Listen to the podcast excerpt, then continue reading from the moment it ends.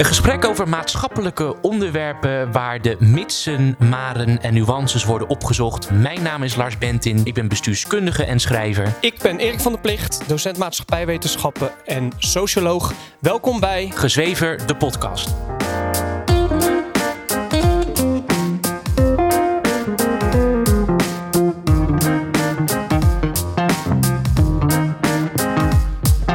Het ministerie van Volksgezondheid heeft in de eerste maanden van de coronacrisis verschillende keren geprobeerd textuele wijzigingen in conceptadviezen van het OMT aan te brengen en is daarin ook geslaagd. Het kabinet heeft altijd gezegd dat het OMT volstrekt onafhankelijk is. Volgens deskundigen is door de bemoeienis van het ministerie de onafhankelijkheid van het OMT geschonden. Ja. Ik lees nu iets voor van een Ja. NOS-artikel Ja. Ehm, over de onafhankelijkheid van het OMT en de bemoeienis van de overheid daarbij. En dit vormt voor mij de directe aanleiding van het gesprek. Ja. Eh, want we gaan het hebben over eh, hoe menselijk en uiteindelijk ook hoe makkelijk het is om in complottheorieën te geloven. En eh, dat dat niet helemaal niet zo heel erg moeilijk te, eh, te bevatten is of te bedenken is. Om dat te Ja. Nou, interessant. Nou, laten we beginnen.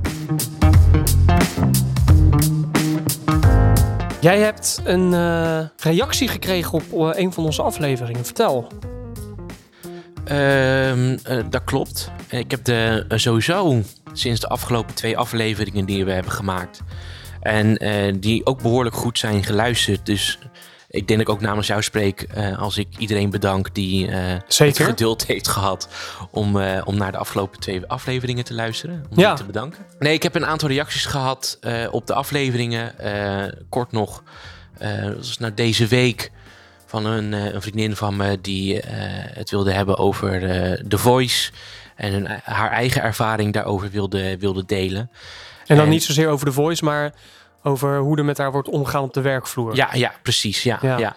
Ja. en dat is, ehm, ik, vind, ik vind dat heel fijn. Ja, nou, leuk. Ik, leuk. Ik heb ook echt positieve reacties ontvangen van mensen die er ook echt over na, anders over na, over, zo, anders over zijn gaan denken en dergelijke na het luisteren van onze eh, aflevering. Dus dat is helemaal top. Ehm, vandaag eh, wil jij het met mij hebben over waar, waar wil je het over hebben? Nou, aan het begin van de coronapandemie, want ik, ik werkte in de, in de Tweede Kamer voor de, de VVD, dus die, eh, je merkt ook heel veel van achter de schermen. Ja, Eh, dus je hebt.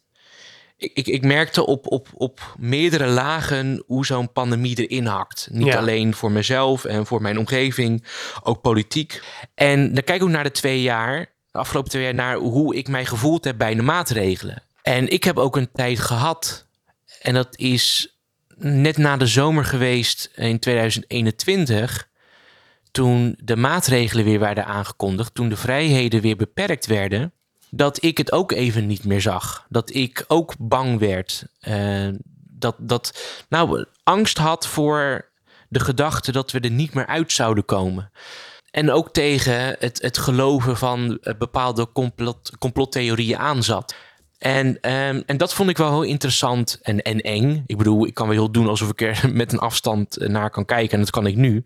Maar op dat moment was ik gewoon vooral heel erg bang. Omdat ik het gevoel had dat we hier gewoon de komende tien jaar... of het ook- misschien zou het zelfs langer kunnen zijn geweest... eh, dat we daar niet meer uit zouden komen. En toen ben ik best wel veel gaan nadenken over complottheorieën en samenzweringen. Eh, omdat mijn angst ook zo diep werd dat ik me best wel goed kon voorstellen hoe mensen hierin terechtkomen. wat je dus eigenlijk zegt is dat je bent gaan nadenken of gewoon wat is er, wat zou er voor mij nodig zijn om Ja. in, in complottheorieën te gaan geloven? Ja, klopt. Ja. En toen kwam ik ineens achter waar die angst dan eh, vandaan komt. En dat hebben natuurlijk meerdere mensen over gesproken.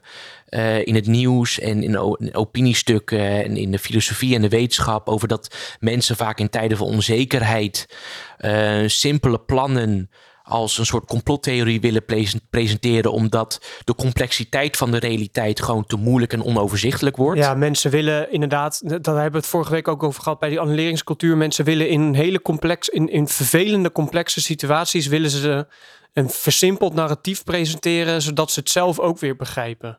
En dat is dus heel simpel, dit is de bad guy, dus die gaan we uitschakelen en Ja. dan is het probleem opgelost. Ja, ja. Eh, ook omdat, ehm, want dat is die angst die ik voelde, want ik voelde me machteloos. Mhm. Ik had het gevoel van, oké, het, het ligt niet in mijn handen wat er nu gaat gebeuren. Ik moet het doorstaan, ik moet het ondergaan. En wat kan ik nu nog doen? En als je dan gelooft, of in ieder geval als je een, een complottheorie gepresenteerd krijgt, waarin er duidelijke, zichtbare vijanden zijn die een plan ontwikkelen om de hele maatschappij te ontwrichten, dan heb ik het gevoel dat ik er iets aan kan doen. Want er wordt een gezicht opgeplakt. Die angst die jij eh, begon te voelen toen de tweede keer de, dat pakket maatregelen werd geïntroduceerd. Kun je dat wat meer omschrijven? Wat bedoel je daar precies mee? Wat, waar was je bang voor? We gingen natuurlijk die zomer in en uh, de, de vaccinaties werden als eindpunt gepresenteerd. Ja, Uh, dat, als we daar, die- dat, dat zou de heilige graal zijn en Ja. daarna was het voorbij. Daarna Ja. was het voorbij. Eh, en ik had die vaccinatie genomen. En eh, ik zei, de vaccinatie, ik had Johnson. Dus eh, Ja. ik wilde dansen met, eh met Jansen, maar Ja. dat eh, ging uiteindelijk ook niet door. uiteindelijk werd, eh, werden die beperkingen weer ingesteld. En toen dacht ik van ja, maar we zijn nu boven die 80% heen. Want dat was het magische nummer. ja, dat was het verhaal inderdaad Ja, wat het gepresenteerd verhaal. werd. Ja. Boven de 80%. En eh, op een gegeven moment werd er elke keer weer gezegd: we moeten meer, eh, en, en meer eh, gevaccineerd zijn, een groter percentage, et cetera, et cetera. Maar ik dacht van ja, maar als dit niet werkt, of als dit niet de uitweg is, wat is dan de uitweg? Eh, het voelde alsof we eh, in een soort Groundhog Day terechtkwamen, waardoor het elke keer weer hetzelfde was. En het uitzicht werd eh, elk jaar ehm, van lockdown naar lockdown, naar, van golf naar golf, zonder dat we daaruit zouden komen. En je hebt ook eh, voor je een, boek liggen. Ja, de afgelopen twee, twee jaar is er op een hele denigrerende manier gepraat over de groep mensen die zijn gaan geloven in, in, eh, in een samenzweringstheorie. Die, die schade kunnen we gewoon niet, dat, ja, dat, dat kunnen we niet meer ongedaan maken. De enige manier is om te begrijpen op een menselijke manier waarom mensen gaan geloven in samenzweringstheorieën. Eh, wat ik nu voor me heb is een, eh, een, een boek dat heet Op de schouders van reuzen van Umberto Eco. En hij verwijst op een gegeven moment in het boek dus naar eh Karl Popper. En daar zegt hij op een gegeven moment, vertelt, refereert hij dus naar Popper. En die heeft het over de samenzweringstheorie als, als sociologisch verschijnsel. En hij zegt: De samenzweringstheorie van de samenleving berust op het denkbeeld dat een sociaal verschijnsel kan worden verklaard door uit te vinden welke mensen of groepen belang hebben bij dat verschijnsel. En plannen hebben gemaakt en hebben samengezworen om dat verschijnsel te laten optreden. Deze visie op het doel van de sociale wetenschappen vloeit natuurlijk voort uit de onjuiste theorie dat alles wat in een samenleving gebeurt, vooral zaken zoals oorlog, werkloosheid, armoede, dat het het gevolg is van de doelbewuste plannen van enkele machtige individuen of groepen. Deze theorie is een typisch resultaat van de secularisering van een religieus bijgeloof. De goden van vroeger zijn natuurlijk afgezworen, maar hun plaats is ingenomen door machtige mensen of groepen. Sinistere pressiegroepen wier doortraptheid verantwoordelijk is voor al het kwaad waaronder wij gebukt gaan. Ik wil niet beweren dat er nooit samenzweringen zijn. Integendeel, het zijn typische sociale verschijnselen. Ze worden bijvoorbeeld belangrijk wanneer mensen die in een samenzweringstheorie geloven aan de macht komen. En mensen die oprecht geloven dat ze weten hoe ze de hemel op aarde kunnen realiseren. Zij zijn het meest geneigd in een samenzweringstheorie te geloven en betrokken te raken bij een contra-samenzwering tegen niet bestaande samenzweerders. Citaat eindigen. Waarom lees ik dit voor? Twee redenen. Het legt uit waarom we geloven in samenzweringstheorieën, namelijk als er iets heel ergs gebeurt. En hij heeft het over werkloosheid en dergelijke. Nou, hier kunnen we de pandemie als voorbeeld nemen Ja. dan kijken we naar externe verschijnselen, kleine groeperingen eh, die dat veroorzaakt en dat ons aandoet om hun eigen doelen na te streven. Dat is één ding. Dat is dus een, een sociologisch verschijnsel. Ja, het is, het is eigenlijk dus, kort samengevat, het is heel menselijk om de oorzaak van eh, vervelende situaties bij anderen te leggen. Dat is één. En dan ook nog eens een keer het liefst bij een klein groepje mensen die we daar dus verantwoordelijk voor kunnen maken. Ja, precies. Ja. In het boek verder zegt hij ook dat, dat die simplistische uitleggen of theorieën, dat het voor ons dat zichtbaar en overzichtelijk maken. Ja. Het probleem dat we hebben. Ja, tuurlijk, ja. En pandemie wordt natuurlijk veroorzaakt door virussen die we allemaal niet kunnen zien. Ja. En dat is voor ons heel erg ongrijpbaar. Daar voelen we ons angstig door. We kunnen het niet controleren. Dus we gaan geloven in iets waar we wat we wel kunnen controleren, namelijk dat er een kleine groep mensen dit veroorzaakt heeft of eh, als een soort plan dit gebruikt om hun eigen doel te kunnen Ja. eh, verwezenlijken. Dat is één onderdeel waarom ik dit, eh, dit, deze passage zo interessant vind. De tweede reden waarom ik deze passage zo interessant vind, is omdat het stelt dat een samenswe- samensweringstheorie in, het, in de geschiedenis vaak waar is op het moment dat het als tegenplanning of tegenplan wordt gepresenteerd voor een samensweringstheorie die zij denken dat waar is. Een heel simpel voorbeeld. Want ja, het- ik- deze moet je me even uitleggen. ja, het, het, het klinkt een beetje cryptisch. Het, het wordt een beetje een intens voorbeeld. eh, maar de nazi's die hadden natuurlijk de, eh, als samenzweringstheorie dat de Joden Ja. de wereld over wilden nemen en dergelijke. En die wilden een eigen samenzweringstheorie daartegenover stellen. Namelijk de macht grijpen om de samenzweringstheorie van de Joden ongedaan te maken eh, of dat te ontbinden. Ze gaan dus eigenlijk zelf samenzweren Ja. om, om te vechten tegen een die samenzweringstheorie. niet bestaat. Ja, Ja. precies. Dus de, de samenzweringen die uiteindelijk bestaan, zijn de samenzweringen tegenover Oh, ja. een niet bestaande samenzwering. En, en wat je de afgelopen twee jaar ziet, is wat eh, Forum doet. Eh, zonder die eh, partij gelijk te linken aan naties, want dat valt niet te vergelijken. En Die, die vergelijking wil ik ook niet maken. Eh, maar wat Forum nu doet, is een, een eigen samenzwering presenteren tegenover een niet bestaande samenzwering. Tenminste, wat ik zie als niet bestaande Ja, samenzwering. en, en hoe zou je die, die hoe- ja, precies. En hoe zou je die, die, die samenzweringstheorie van Forum eh, samenvatten? Nou ja, eh, er, wordt, er is natuurlijk heel vaak geroepen tot het opsporen Ja. en opsluiten en of berechten en opsluiten Tribunalen. van tribunalen eh, van eh, de, de, de politie en de mensen die ons dit hebben aangedaan in samenwerking met World Economic Forum. Ja, Dat is voor hen het voorbeeld van de samenzwering. Ja. De, de kern van de samenzwering. En van de Great Reset. En wat zij dus presenteren is dus een eigen eh samenzwering. Een, een, een groep mensen creëren om de elite en de politiek te vervangen om die samenzwering tegen te gaan. Dus het, het is eigenlijk bijna een publieke samenzwering tegenover die samenzwering die zij voorop stellen. Ehm, maar waarom ik dat als voorbeeld gebruik, is dat ik dat dus nu weer op zo'n manier zie gebeuren. Dat mensen zich gaan indammen in één groep mensen die een samenzwering willen tegenhouden. En daardoor dus zonder twijfel geloven in een bepaald narratief. Ja. Zodat zij uitgesloten en uitgesloten worden, maar zichzelf ook uitsluiten van de samenleving. ja. Ik geloof stellig niet in die theorieën van Forum. Maar ik blijf daardoor ook in mijn eigen gelijk zitten van een verhaal wat ik net zo goed niet kan bewijzen.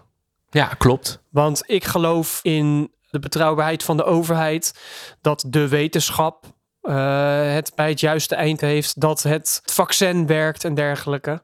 Dus ik zit net zo goed in mijn eigen gelijk vast.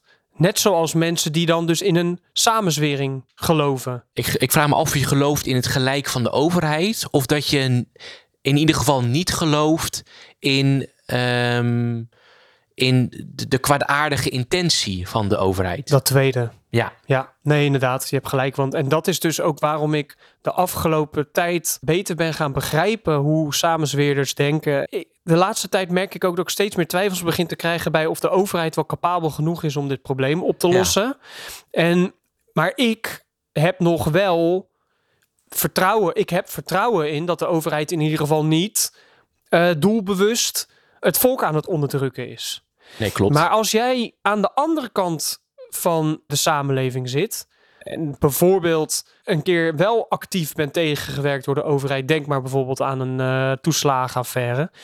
Dan heb jij dus niet de basisaanname dat de overheid in ieder geval het niet slecht bedoelt. Dan is de, de stap naar eh, geloof in complottheorieën of de overheid niet geloven dat de overheid het beste met jou voor heeft, is dan natuurlijk een, dus een hele Ja. kleine stap. ja, ja het, het geloof in systematische kwaadaardigheid. Ja, eh, ehm, de stap om daarin te geloven is dan al heel klein als je dat al eerder hebt meegemaakt. Ja, uiteindelijk ze geloven zowel de mensen die wel aan de maatregelen willen houden.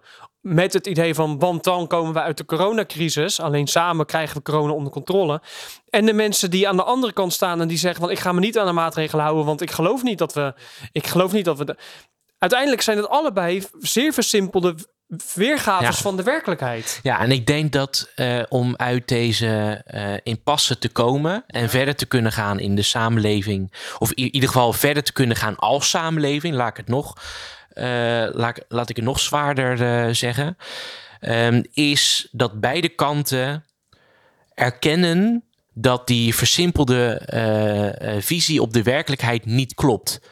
En wat, wat dat merken we nu ook. Hè? Als het gaat om de, het psychisch welzijn van jongeren en weet ik veel wat. De schade die we hebben aangericht op psychische aspecten. Of nou jongeren zijn of andere mensen. Hè? Ik bedoel, dat, dat, daar komen we nu pas achter. Maar Ja. dat wisten we eerst. Tenminste, dat wisten we misschien zelfs.